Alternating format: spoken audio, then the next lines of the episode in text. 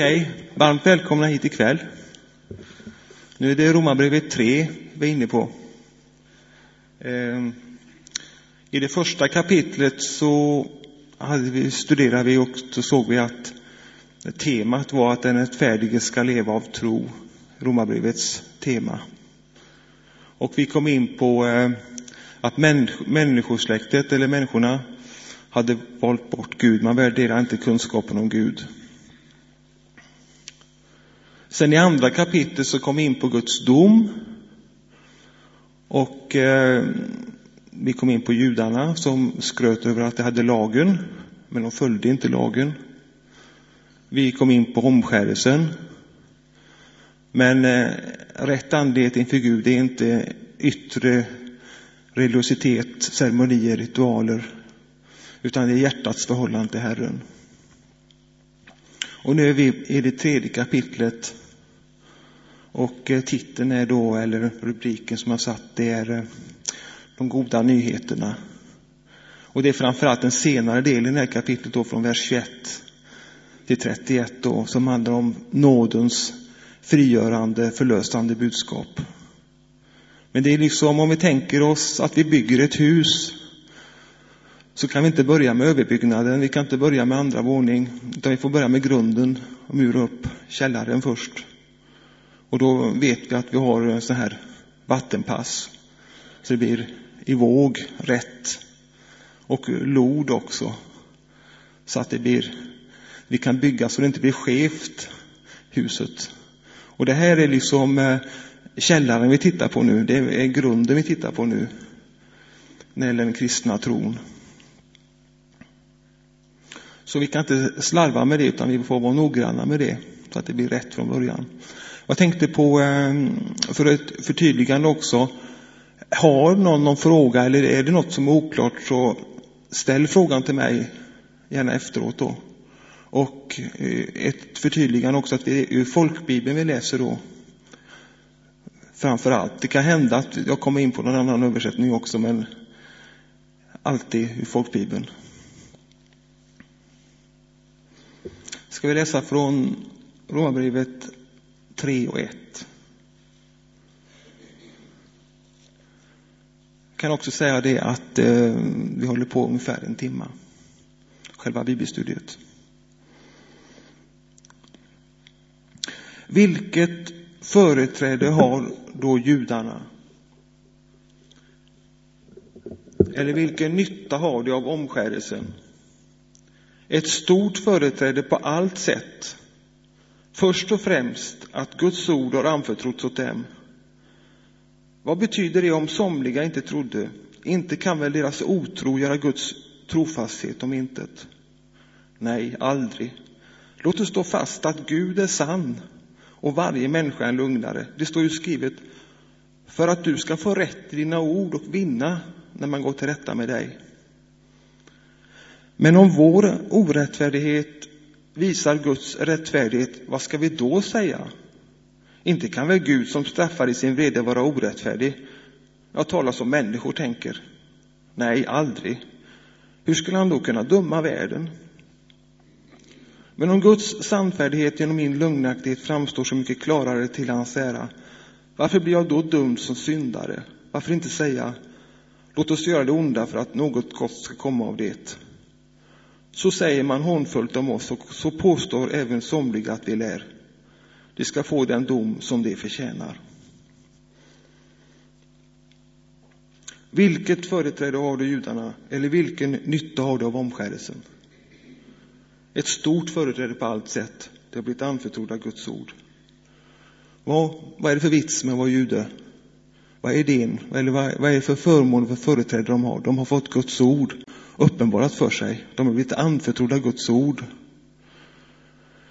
Och det är ett stort privilegium. Det är ett oerhört stort privilegium. Och tänk att vi har blivit anförtrodda Guds ord. Vi har Guds ord. Vi har biblar vi kan läsa ur. Så mycket vi vill kan vi läsa ur Bibeln. Vi är inte, det finns inga lagar som hindrar oss från att läsa Bibeln. Och vi kan sitta här ikväll och studera Guds ord ta den här kvällen till detta här. Så vi, vi har, det är ett stort förtroende vi har fått oss givet. Vi har blivit anförtrodda med Guds ord. Det är ett stort privilegium, en stor välsignelse om vi följer det, håller oss till det och lever efter Guds ord.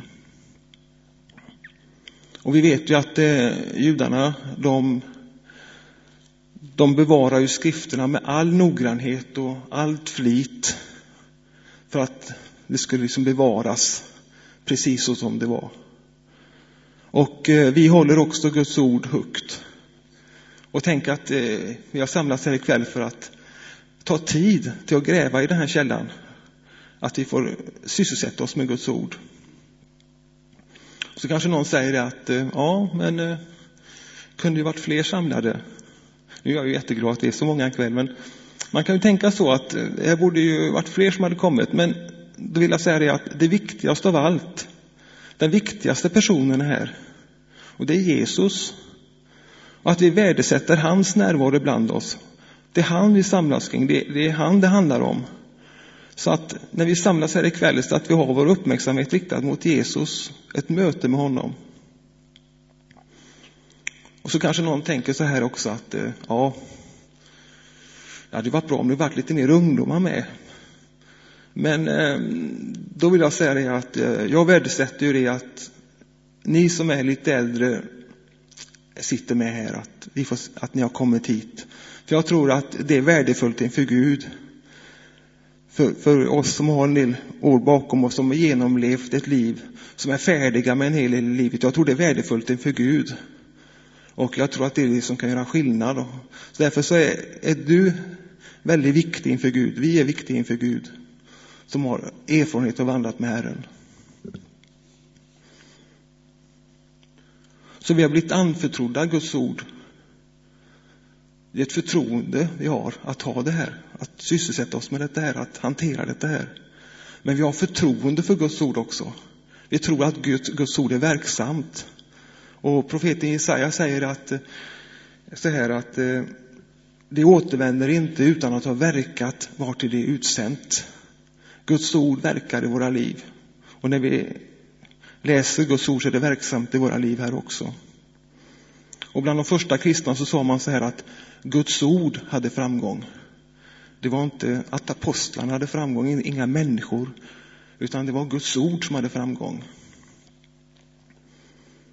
Och jag har en, en liten sidoblänkare här, men jag tänker på Josef i Gamla Testamentet. Det är en intressant förebild på Kristus egentligen. Hans, vi vet ju hur han blev förrådd av sina bröder och hur han blev såld som slav till Egypten och handlade oss i Potifars hus i familjen där och hur han blev satt i fängelse i Egypten också där och, och hur han kom ut ur fängelse och hur han tydde faraos drömmar och det här är ju en förebild på Kristus som blev förrådd av sina bröder som fick lida, gå lidandets väg. Men så jag tycker det är en intressant detalj det där, det är det att han fick ju den här eh, tydningen på faraos dröm om att det skulle vara hungersnöd i sju år. Eh, eh, först skulle det vara överflöd i sju år och sen hungersnöd i sju år. Och att man då skulle samla maten under de här tiden när det var överflöd för att kunna ha under den tid det var dåligt med mat. Och eh, vi vet ju det att eh, Eh, om vi tänker att han är en förebild på Jesus då alltså, och Jesus han är ju livets bröd. Han är ju vår andliga mat. Och det står om att alla egyptierna kom till Josef för att få mat. Ge oss bröd, sa, sa de till honom, annars dör vi inför dina ögon. Och de till och med bytte ut boskapen emot ma, äh, bröd eller mat. Så att eh, det är en vision jag har, att Guds ord ska få ha framgång ibland och så att vi ska kunna få vara med och förmedla Guds ord till vårt land och till vårt område här vi bor. Att människor får komma och äta av den här maten, den andliga maten. Jag tycker det är en intressant förebild på Kristus, Josef. Så vi har blivit anförtrodda Guds ord och vi har förtroende för Guds ord.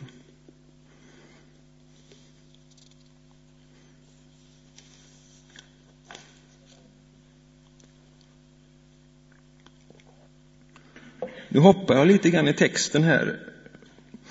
I den senare delen av vers 4 då. Då står det så här, för det står ju skrivet, för att du ska få rätt i dina ord och vinna när man går till rätta med dig. Och vi vet att eh, människor idag de ifrågasätter, finns det en rättvis Gud? Om Gud är kärleken, om Gud är kärleksfull, hur kan han då låta barn födas med fosterskador? Var fanns Gud i förintelselägret i Treblinka? Och man hela tiden ifrågasätter man om det finns en rättvis Gud. Men eh, man anklagar Gud på felaktiga grunder. Man tar inte med alla detaljer eller alla bitarna, utan eh, det är ju så här att människorna idag lever i uppror mot Gud. Man har vänt Gud ryggen. Och eh, utifrån det får vi skörda konsekvenserna av vårt val. Vi har avsatt Gud kan man säga i stort sett i samhället. Och ändå så tänker vi att Gud ska gripa in, att Gud, vi beskyller honom för att inte gripa in. Så det är ju lite motsägelsefullt. Delvis har vi avsatt Gud och delvis beskyller vi honom för att inte gripa in. Och så lägger vi ansvaret på honom. Och om vi går tillbaka till Edens lustgård så ser vi det då hur Adam och Eva gjorde det här olyckliga valet. Gud hade ju sagt det till dem att de kunde äta frukten av alla träden i trädgården eller lustgården. Men inte av frukten av det träd som stod i mitten av lustgården. Men likväl, de visste ju konsekvenserna. Så tog de av frukten på det trädet. Gud hade sagt till dem, tar ni av frukten på det trädet, rör ni vid den frukten så kommer ni att dö. Och man öppnade dörren för eh, ondska, för död, för sjukdom och man öppnar upp för djävulen. Men det är mycket som Gud får skulden för. Egentligen som han inte är skyldig. Och det är så att det är våra val som vi har valt som vi egentligen ska ta konsekvenserna av.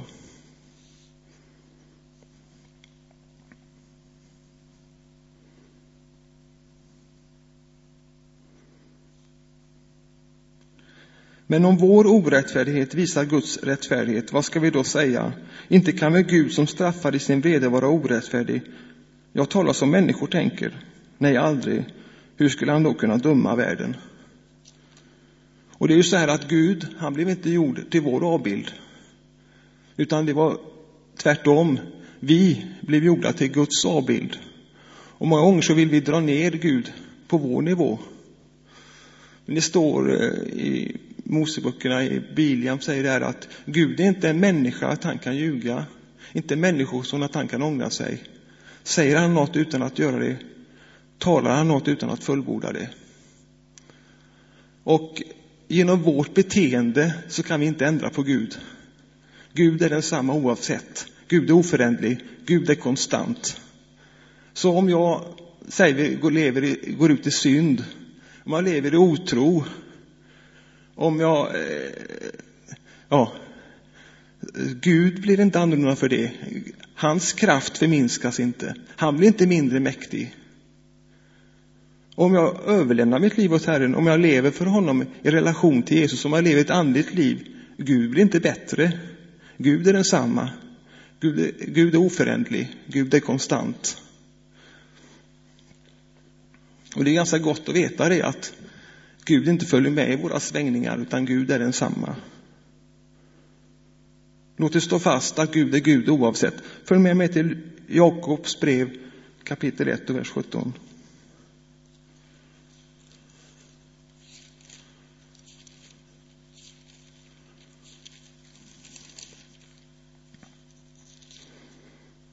Jag tror att det är efter Hebreerbrevet i de flesta biblarna. Jakob 1 och 17. Allt det goda vi får och varje fullkomlig gåva är från ovan och kommer ner från ljusens fader hos vilken ingen förändring sker, ingen växling mellan ljus och mörker. Ingen skiftning. Gud vacklar inte.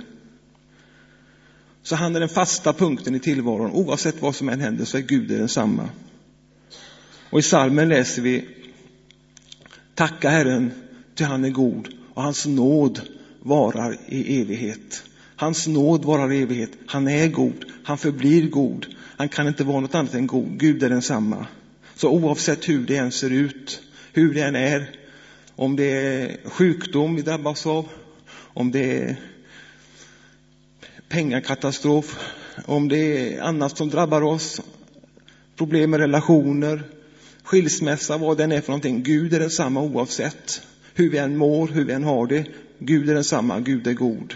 Gud är och förblir god. Oavsett vad som än sker, Jesus Kristus är densamma igår, idag, så och evighet.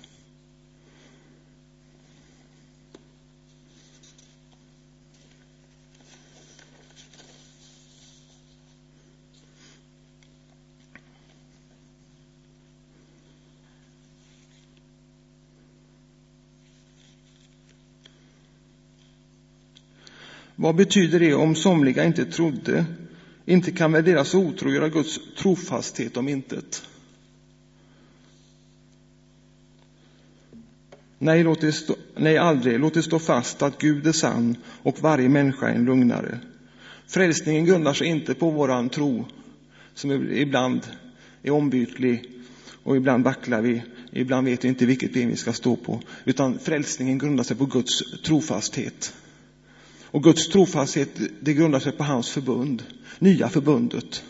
Och när Gud ingick det nya förbundet med oss så frågade han inte till oss till råds vad vi tyckte. Han frågade inte efter våra synpunkter.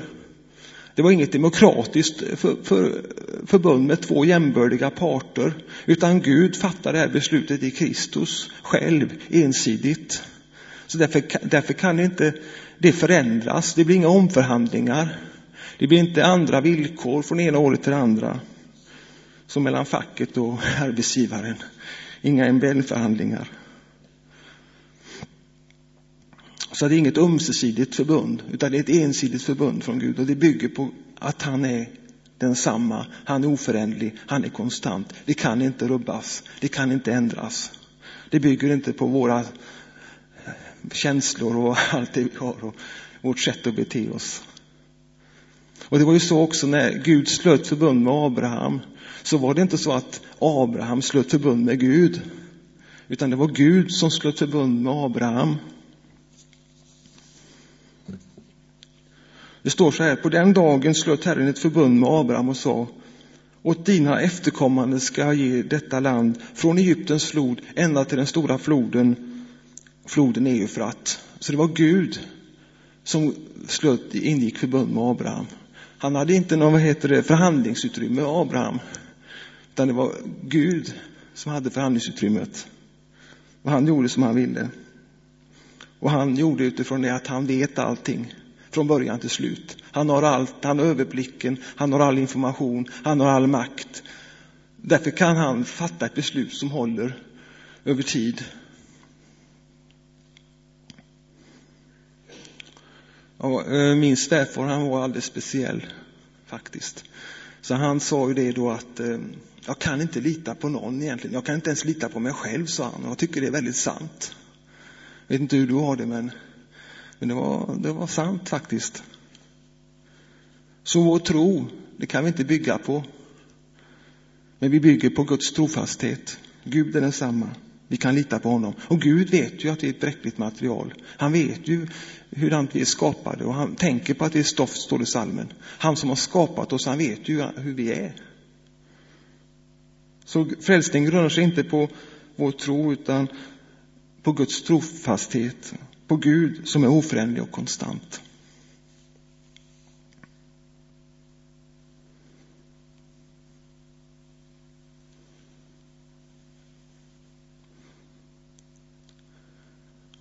Från vers 7 är, men om Guds sannfärdighet genom min lögnaktighet framstår så mycket klarare till hans ära, varför blir jag då dum som syndare?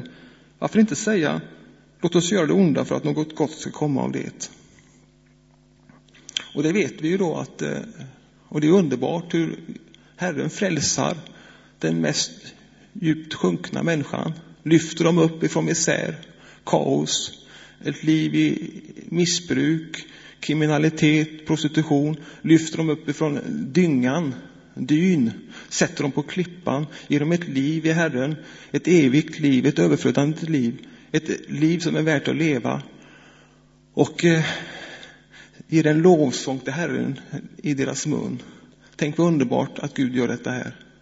Och, och Gud tar ut det som inte är värt någonting i människors ögon i samhällets ögon och så gör de till redskap till sig.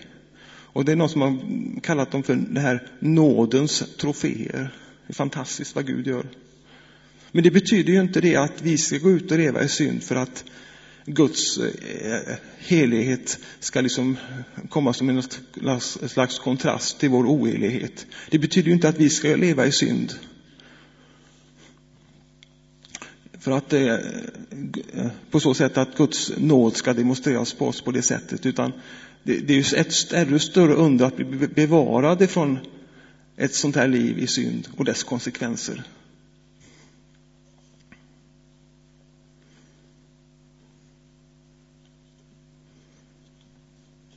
Och det är egentligen en princip här som Paulus kommer in på som är intressant. Och säger han så här, varför inte säga låt oss göra det onda för att något gott ska komma av det? Och det är intressant därför att jag tänkte att något gott kan inte komma av något ont. Något ont kan inte generera något gott. Död kan inte generera liv. Mörker kan inte generera ljus. Men om han som är god kommer in i bilden så kan han vända det onda till något gott. Om han som är ljus kommer in i bilden så kan han göra mörker till ljus. Om han som är liv kommer in i bilden så kan han förändra död till liv, förvandla död till liv. Så det handlar om att Gud kommer in i bilden. Men det onda kan i sig inte generera något gott. Ljus kan inte generera, eller mörker kan inte generera ljus. Och död kan inte generera liv. Utan det är en nödvändighet att Gud kommer in i bilden och det är han som gör skillnad. Så att eh, vi är beroende av att Gud kommer in i bilden i händelsernas centrum. Och det är det vi kommer få se sen här i, vi fortsätter kapitlet.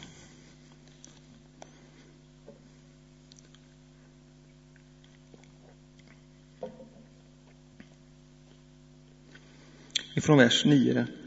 Hur är det då? Har vi något företräde? Nej, inte alls. Vi har ju redan anklagat både judar och greker för att alla vara under syndens välde.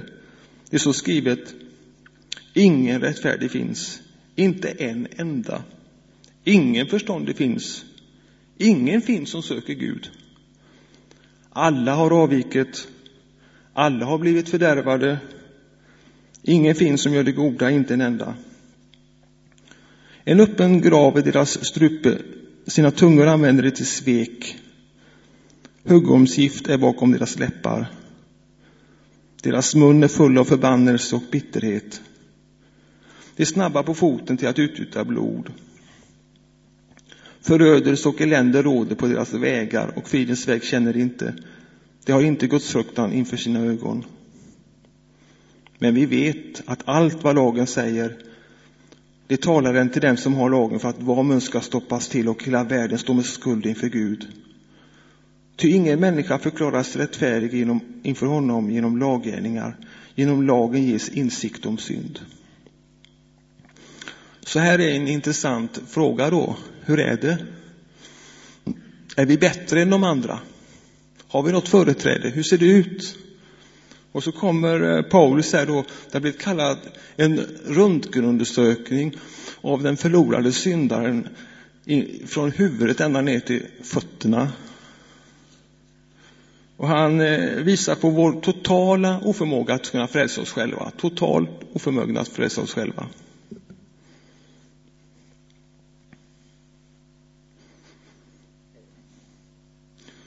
Det står skrivet, ingen rättfärdig finns, inte en enda, ingen förståndig finns. Guds visdom är fördold för världen, okänd för världen. Vi måste, för att kunna komma till Kristus så måste det ske genom gudomlig uppenbarelse. För att Kristus ska bli känd för oss så måste Gud uppenbara sig för oss.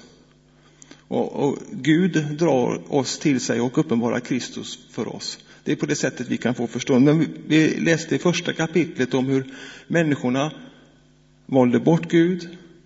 Man erkänner inte Gud som Gud, man prisar och tackar honom inte som Gud. Och så sänkte sig mörkret över deras oförståndiga hjärtan.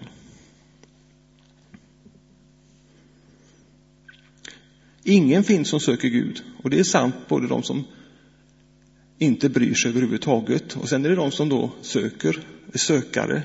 Men de söker inte Gud på det sätt som han vill att man ska söka honom genom Jesus Kristus. Så man söker Gud, men man söker honom likväl inte. Alla har avvikit, alla har blivit fördärvade.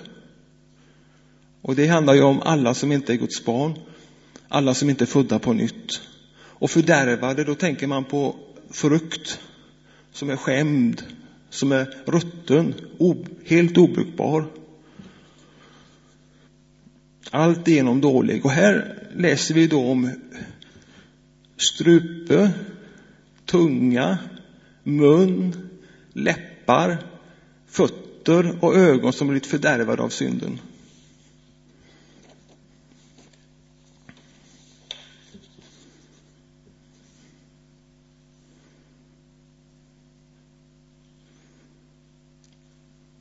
Ingen finns som gör det goda, inte en enda.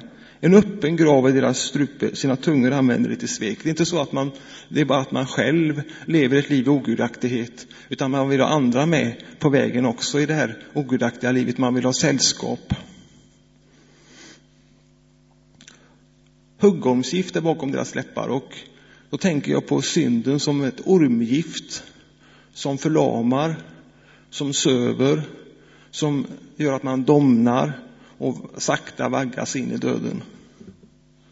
Våra känslomässiga sinnen avtrubbas så att vi inte vill söka Herren. Vi är inte intresserade för det andliga.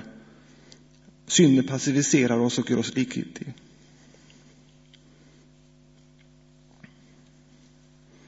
Och förödelse, elände råder på deras vägar. Och idag talar man om vägarna till Gud. Alla vägar bär till Gud, säger man. Buddhism och hinduism och islam och man vill förena alla religioner. Men det är ett problem. Och det är ju det att företrädarna för de här olika religionerna inte är sams i alla fall. Och sen är målen helt olika också. För nirvana då, va? att man uppgår i världsalltet och försvinner. Så säger jag, det är en väldig skillnad mot det och himmel och helvete som kristendomen predikar. Så att det går inte att få ihop målen i slutändan. Alla vägar bär inte till samma mål. Men vi vet idag att, och vi ser idag att världskyrkan håller på att ta form, att man förnekar Guds ords inspiration. Man säger att Bibeln inte är Guds ord. Man förnekar eller förringar Jesu försoning. Man säger att det är en av vägarna, det är en möjlighet att komma till Gud, men det finns andra vägar också. Och, och så vidare. Så alla de här, allt det vi tror på då, det, det backar man på.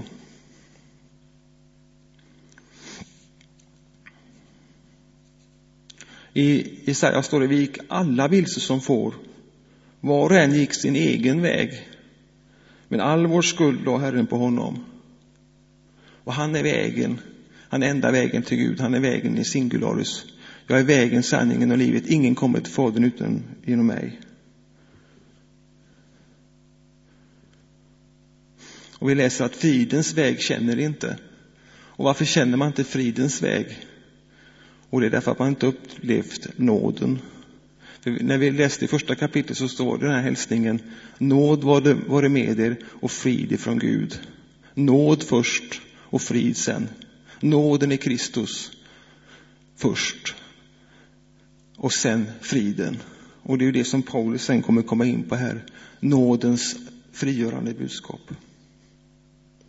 Och i alla de apostoliska breven i stort sett så möts vi av samma hälsning. Nåd vare med er och frid från Gud. Alltid den här ordningen. Nåd först och frid sen. Om det är nu Paulus, Petrus eller Jakob. Så hur är det nu då? Är vi bättre än någon annan? Nej, vi är alla under syndens välde och det är ett mäktigt uttryck under syndens välde. Och då ses synden som en despotisk härskare som håller syndaren i sitt järngrepp. Men vi vet att allt vad lagen säger, det talar den till dem som har lagen för att var mun ska stoppas till och hela världen står med skuld inför Gud. Ty ingen människa förklaras rättfärdig inför honom genom laggärningar. Genom lagen ges insikt om synd.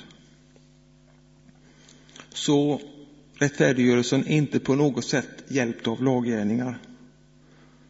Det är snarare ett hinder. För laggärningarna det får oss inte att se vårt behov av frälsning, av rättfärdiggörelse.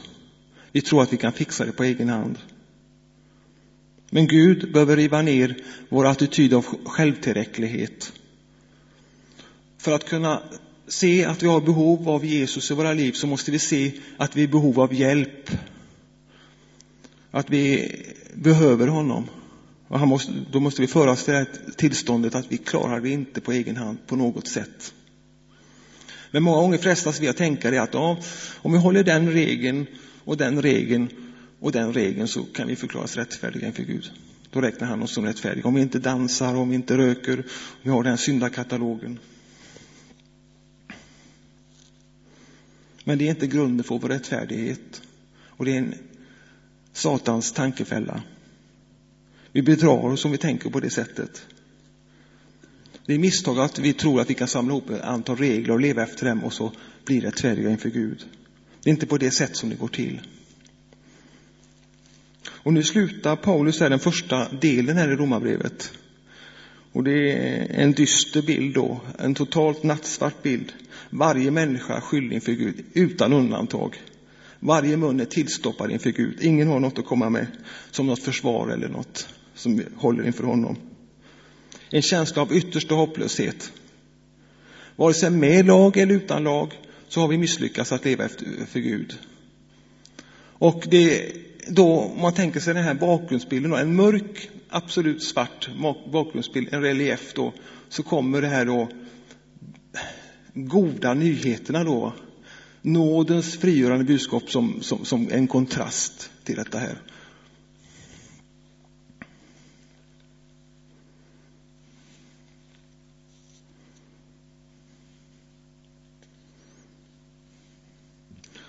Och då är det lite triumfiskt här, så står det så här, men nu har utan lagen en rättfärdighet från Gud blivit uppenbarad, en som lagen och profeterna vittnar om. Men nu, och men nu, det, det vittnar om övergången ifrån det här, den här delen, där alla står under Guds dom, alla är skyldiga, varje mun är tillstoppad, till det här nya livet med Jesus. Ett förr och ett nu. Men nu Alltså, om någon är Kristus är han en ny skapelse. Det gamla är förbi. Se, det nya har kommit. Och då är det en annan översättning här då, som de säger att allt har blivit nytt. Jag tycker det är lite bättre. Allt har blivit nytt. Men nu.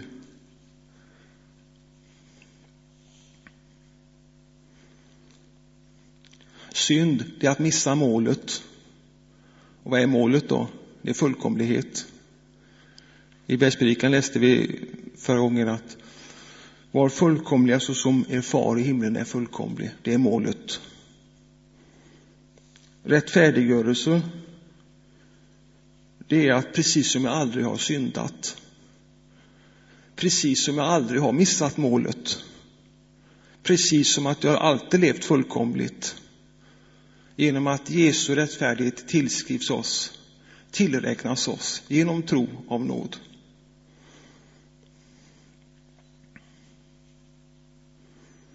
Vi är en rättfärdighet utan lagen, utan vår förtjänst, utan vårt förvärv, utan våra prestationer, utan våra meriter. Men en rättfärdighet i samklang, i harmoni med hela gamla förbundets lagen och profeterna. Och då kommer jag till Augustinus, en, som har kallat för en nådens cirkelgång. Lagen gavs för att vi skulle söka nåden. Nåden gavs för att vi skulle fullgöra lagen. Nåden gavs, eh, lagen gavs för att vi skulle söka nåden. Nåden gavs för att vi skulle fullgöra lagen.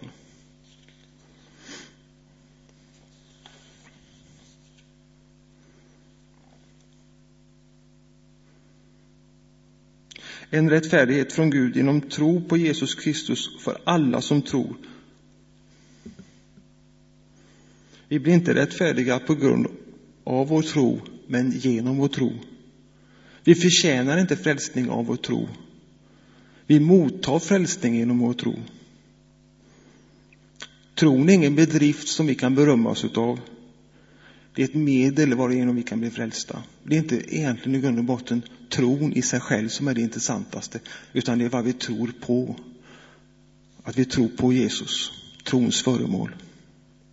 Det här finns ingen skillnad. Gud gör inget undantag. Det finns inga alternativa vägar. Det finns bara ett sätt genom att vi kan bli frälsta på, och det är den här vägen. Det som Paulus presenterar här. Rättfärdiggörelse genom tron alena. Hade det funnits andra vägar att komma till Gud, då hade ju inte Jesus behövt gå korsets väg. Då hade inte han behövt lida döden för oss, om det funnits andra väg, vägar. Men nu finns det bara en väg. Det är det enda sättet genom vilket vi kan bli frälsta, genom hans försoning.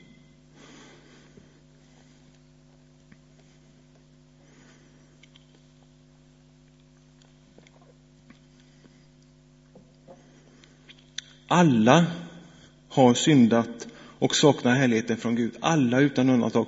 Vissa har syndat mer, andra har syndat mindre. Och nu har jag en liten bild här då. En, vi tänker oss en gruva då. I botten av gruvan där är liksom de som lägst minst räknade så att säga. De som har syndat mest. Det var intressant faktiskt att titta i en kvällstidning där man har hängt ut vad man kallar för, eh, jag tycker det är osmakligt då alltså, men, men de farligaste kvinnorna i Sverige. Och, och sådana som hade begått mord och det hängde man ut i tidningen. Men låt oss säga att vi placerar dem då längst ner i gruvan då, som har syndat mest då, om man nu kan tala på det sättet. Och så de här då som är präktiga och goda samhällsmedborgare, betalar sin skatt och sköter sig på allt sätt. De är liksom på toppen av ett fjäll.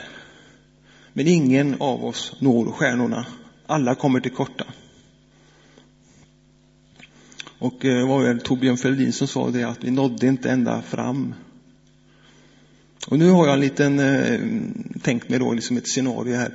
Vi åker till Danmark allihopa säger vi på en sån här färja till Danmark och så har vi lämnat då eh, Göteborgs skärgård. Och så förliser den här färjan då. Och vi får ge oss ut och simma mot land. Men det är så långt så att ingen kommer att nå land oavsett hur man än försöker. En del, de har inte någon alls eh, beredskap för detta, så de kommer inte alls långt. De kanske inte kommer någonstans alls nästan. Och andra, de kanske kan simma någon kilometer. Men, eh, ja, det är några, det är sju, åtta plus i vattnet säger vi och det, det blåser en del. Ingen når land. Alla kommer till korta av någon anledning så har, eh, är det en terroraktion där så att räddningsbåtarna är satta ur funktion så att det går inte så bra. Alla kommer till korta. Men så gjorde jag en liten annan eh, bild här också då, att jag tänkte att räddningsbåtarna kommer liksom och där ligger vi och guppar i vattnet med våra räddningsvästar och vissa har kommit en liten bit bara och de är inte så svårt att rädda egentligen för de är ju ganska de säger tack så mycket. Men de här envetna personerna då, som har simmat så långt, de tycker det att jag kunde väl klarat det på egen hand. Kanske svårare att fånga upp. Men det är bara en bild. Men hur den är så, vi klarar inte att komma till himlen på egen hand, på egen maskin. Det är en sak som är säker. Absolut inte.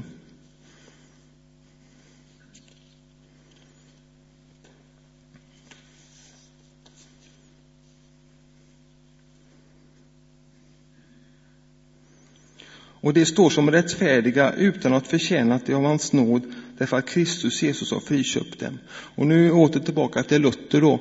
Han säger så här att eh, på samma sätt som att det inte fanns någonting i Jesus som förtjänade människornas hat. Lika lite finns det någonting i oss som gör att vi förtjänar hans rättfärdighet. Så lika lite som det fanns någonting hos Jesus som förtjänade människornas hat, lika lite finns det någonting i oss som förtjänar hans rättfärdighet. Och så var vi inne på det här utbytet förra gången. Ni som var här kommer ihåg, Gud, Han tog det sämsta vi hade, han tog synden. Och han gav oss det bästa han hade, han gav oss sin rättfärdighet. Så att eh, han har friköpt världen faktiskt. Eh, för att få, få, vinna oss, för att få oss. Och följ med mig då till Matteus 13 och 44.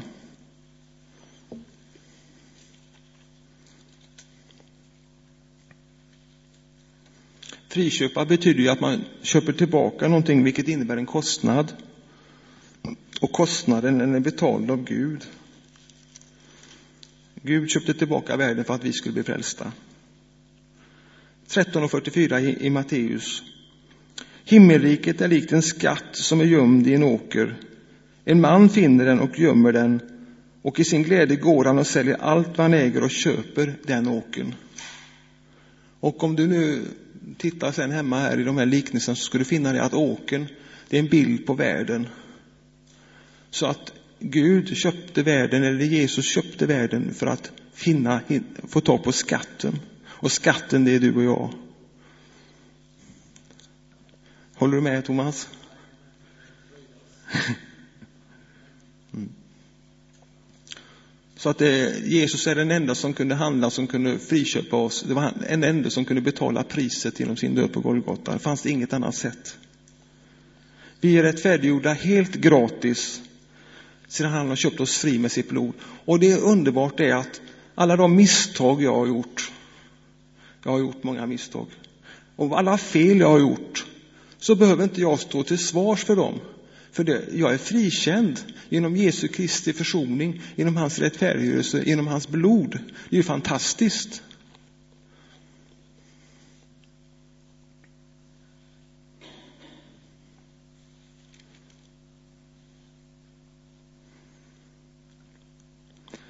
Honom har Gud genom hans blod ställt fram som en nådastol att tas emot inom tron. Så ville han visa sin rättfärdighet eftersom han hade lämnat ostraffade de synder som förut hade blivit begångna under tiden för Guds tålamod. I den tid som nu är vill han visa sin rättfärdighet, att han själv är rättfärdig när han förklarar den rättfärdig som tror på Jesus.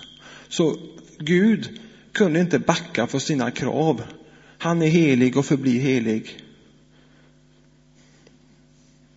Guds domslut stod fast mot den syndiga människan. Den som syndar ska dö.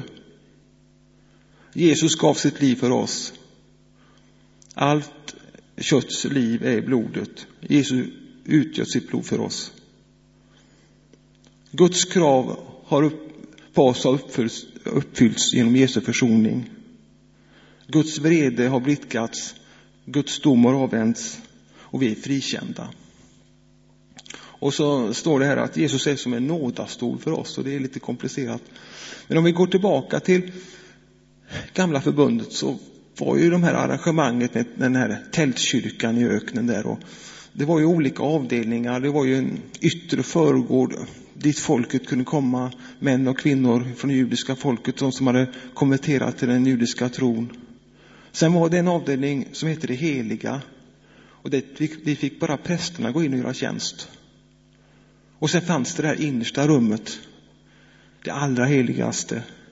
Dit fick bara översteprästen gå in en gång om året, inte utan blod, för att försona folkets synder. Och i det här rummet, i det allra heligaste, fanns det en låda då av trä. Och den var liksom belagd med guld utanpå. Och den kallas för arken. Och i den låg då mannat, det var som Israels barn hade fått i öknen.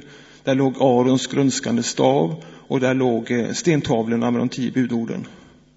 Och på den här lådan då var det ett lock med guld och så var det keruber, en slags änglavarelser i drivet guldarbete som det var som varit en magnifik syn. Som liksom stod där på varsin ände och nuddade varandra. Och mellan de här keruberna var nådastolen. Och det var där som översteprästen stänkte blodet och det var där som försoning skedde. Och Jesus han är liksom en sån här nådastol då, bildligt talat. Han står mellan den heliga guden och han står mellan den syndiga människan. En Gud som inte kan backa från sina krav. och en syndig människa som är oförmögen att kunna frälsa sig själv. Och så försonar han oss och frälsar oss och gör oss rättfärdiga. Så det är hans verk. Det är ju ganska löjligt då att vi försöker på egen hand att fixa en frälsning. Lika bra lägga ner de försöken.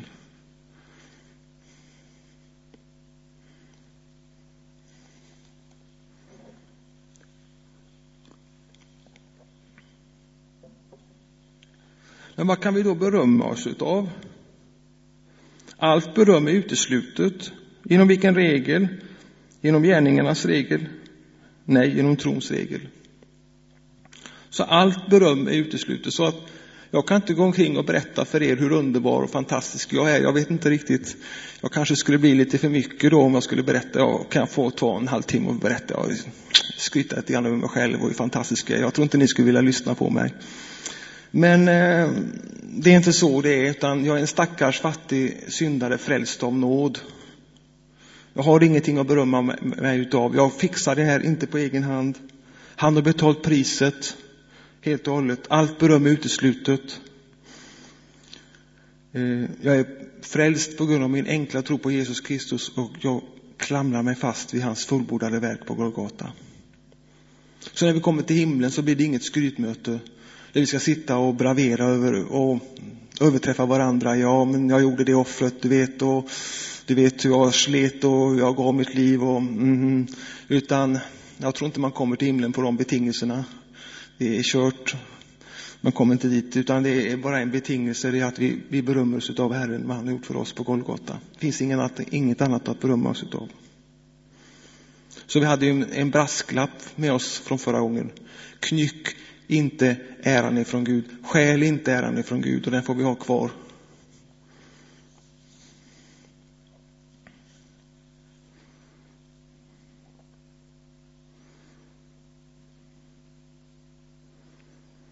Vi hävdar att människan förklaras rättfärdig genom tro utan laggärningar. Så vi blir inte rättfärdiga genom tro plus de laggärningar vi klarar av att utföra. Utan vi blir rättfärdiggjorda genom tron alena. Tron alena gör rättfärdig. Det var ju det som Luther sa som är, när vi började det första studiet som vi har citerat gång på gång. Tron alena gör rättfärdig. Bortsett från laggärningar. Hur kan vi då säga att tron alena gör rättfärdig? Motsäger inte det som vi läser i Jakobs brev? Jakob säger så att en människa erkänns som rättfärdig genom gärningar. Det låter ju som att det är lite Bibeln motsäger sig själv här. Får ni ihop det? Tron alena gör rättfärdig, säger Luther. Jakob säger att en människa erkänns som rättfärdig genom gärningar. Och då har jag tagit min tillflykt till en annan reformator, Calvin, som jag vill läsa till här. Han förklarar detta så här. När Jakob säger att människan inte enbart är rättfärdig genom tro utan också genom gärningar strider det inte alls mot uppfattningen om rättfärdiggörelsen genom tron alena. Förlikningen av de två synsätten beror framför allt på den tankegång Jakob för. Hans frågeställning är inte hur människan mottager rättfärdighet inför Gud utan hur de inför andra styrker att de är rättfärdiggjorda. Hans syfte var att vederlägga hycklare som fåfängt skröt över att de hade tro. Så jag vet inte om du fick med dig det här, men vi mottar rättfärdiggörelsen genom tron alena. Men vi styrker att vår tro är på riktigt genom våra gärningar. Det måste visa sig om vår tro är verksam om det är en riktig tro. Den kan inte förbli anonym tron. Tron måste ta sig konkreta uttryck. Gick det för fort? Lite komplicerat?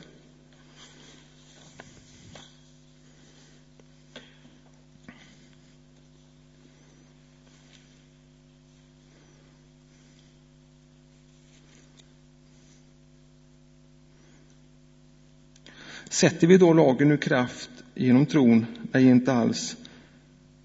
vi upprätthåller lagen. Ursäkta, jag läser från vers 29. Eller är Gud endast judarnas Gud, är inte han också hedningarnas, jo också hedningarnas? Lika säkert som Gud är en, han som förklarar den omskurne rättfärdig av tro och den oomskurne genom tro. Sätter vi då lagen ur kraft genom tron? Nej, inte alls. Vi upprätthåller lagen. Jag är nu rättfärdig därför att jag tror på Jesus Kristus. Jag är lycklig och glad. Men är inte det en öppen dörr för mig att göra precis vad jag vill? Jo, det är, så är det. Jag gör vad jag vill. Jag längtar efter att behaga honom mer än något annat. Han har vunnit mitt hjärta. Jag är inte bunden av någon formell lag, inte av något regelverk, utan jag är bunden av kärleken till honom. Det är en kärlekshistoria. Det är kärlekens lag som har satt mig fri. Och det är Kristi kärlek, det är hans kärlek som tvingar mig. Det är det som driver mig att leva för honom. Det är det som driver mig, den inre drivkraften att behaga honom. Jag älskar honom så mycket, jag vill inte göra honom besviken. Jag vill inte att något ska komma oss emellan. Och jag vill behaga honom. Så lagen är satt i kraft, den har gjort sitt jobb. Den har visat oss vårt syndiga tillstånd. Den har drivit oss till återlösning som vi har i Jesus. Och genom tron uppfyller vi nu lagen.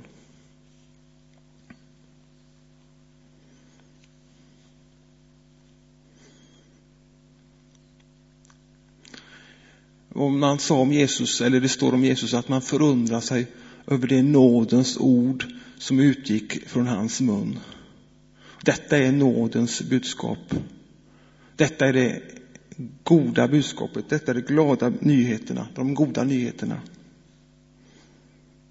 Och nu ska vi ha, till slut då, ta en sammanfattning då av allt det här som är sagts. Och vi har det väldigt koncentrerat i Efesierbrevet 2 och 8.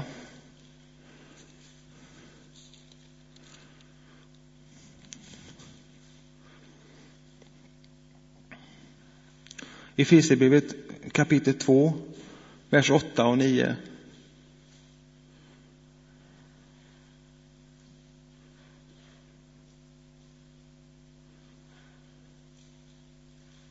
Ty av nåden är ni, vi, frälsta genom tron. Inte av er, oss själva, utan Guds gåvärde. Inte på grund av gärningar, för att ingen skall berömma sig. Det var härligt, va? Vi tar det en gång till. Ty av nåden är ni frälsta genom tron, inte av er själva. Guds gåva är det, inte på grund av gärningar, för att ingen skall berömma sig. Så det är de goda nyheterna, de glada nyheterna, det är de bästa nyheterna som finns. Detta finns inga bättre nyheter. Att vi är rättfärdiggjorda, att vi är frälsta genom tron på Jesus. Det finns inget bättre. Så det är de bästa nyheterna, inte bara de, de glada nyheterna, inte bara de bra nyheterna, utan de bästa nyheterna. Detta här. Tack och lov. Så att eh, tänkte jag skulle avsluta med det att de bästa nyheterna på detta sätt. Och så ska vi ta en stund, vi kan be till Gud här. Och är det någon som känner behov av att be, att vi ska be för varandra, så finns det möjlighet här efteråt. Vi har ju bröderna med oss här. Thomas och Fredrik och Birre och så. Tack Herre Jesus för att vi får prisa, lova, ära, upphöja dig för din oändliga nåd. Att vi får kallas dina barn. Att vi fått uppleva syndernas förlåtelse. Att vi får vara på väg till himlens underbara land. Att vi får vandra med dig i den här världen. Tack för att vi får leva för dig, Herre. Tack för att du vill göra under i våra liv. Du vill förvandla oss, vi vill bli mer lika dig, Herre. Vi önskar likna dig mer och mer, Herre. Tack för att du möter oss idag. Tack för att du möter oss veckan som kommer, Herre. Tack för att vi får lägga våra liv i dina händer, Herre. Tack för att du är mäktig att möta oss på allt sätt, Herre, till ande, själ och kropp, Herre. Du är mäktig att förvandla, mäktig att göra under, Herre. Tack för att du räcker ut din hand till tecken under ibland oss, Herre. Tack för att du vill bekräfta ditt ord genom åtföljande tecken under. Jag vill prisa och lova ditt namn, Herre. Tack för att vi får upphöja dig här ikväll, Herre. För att du är vår rättfärdiggörelse, du är vår frälsning, du är vårt allt, Herre. Vi får prisa och lova och upphöja dig, Herre. Vi vill glädja oss i dig, vi vill tacka och lova dig, Herre. Jag prisar ditt namn, Herre. Tack för att du möter oss var och en, Herre. Att ingen ska kunna gå ut från det här mötet utan att ha upplevt dig här ikväll, Herre, på ett underbart, härligt sätt. Till förnyelse i anden. Jag prisar ditt namn, Herre. Tack för att du hör bön, Herre.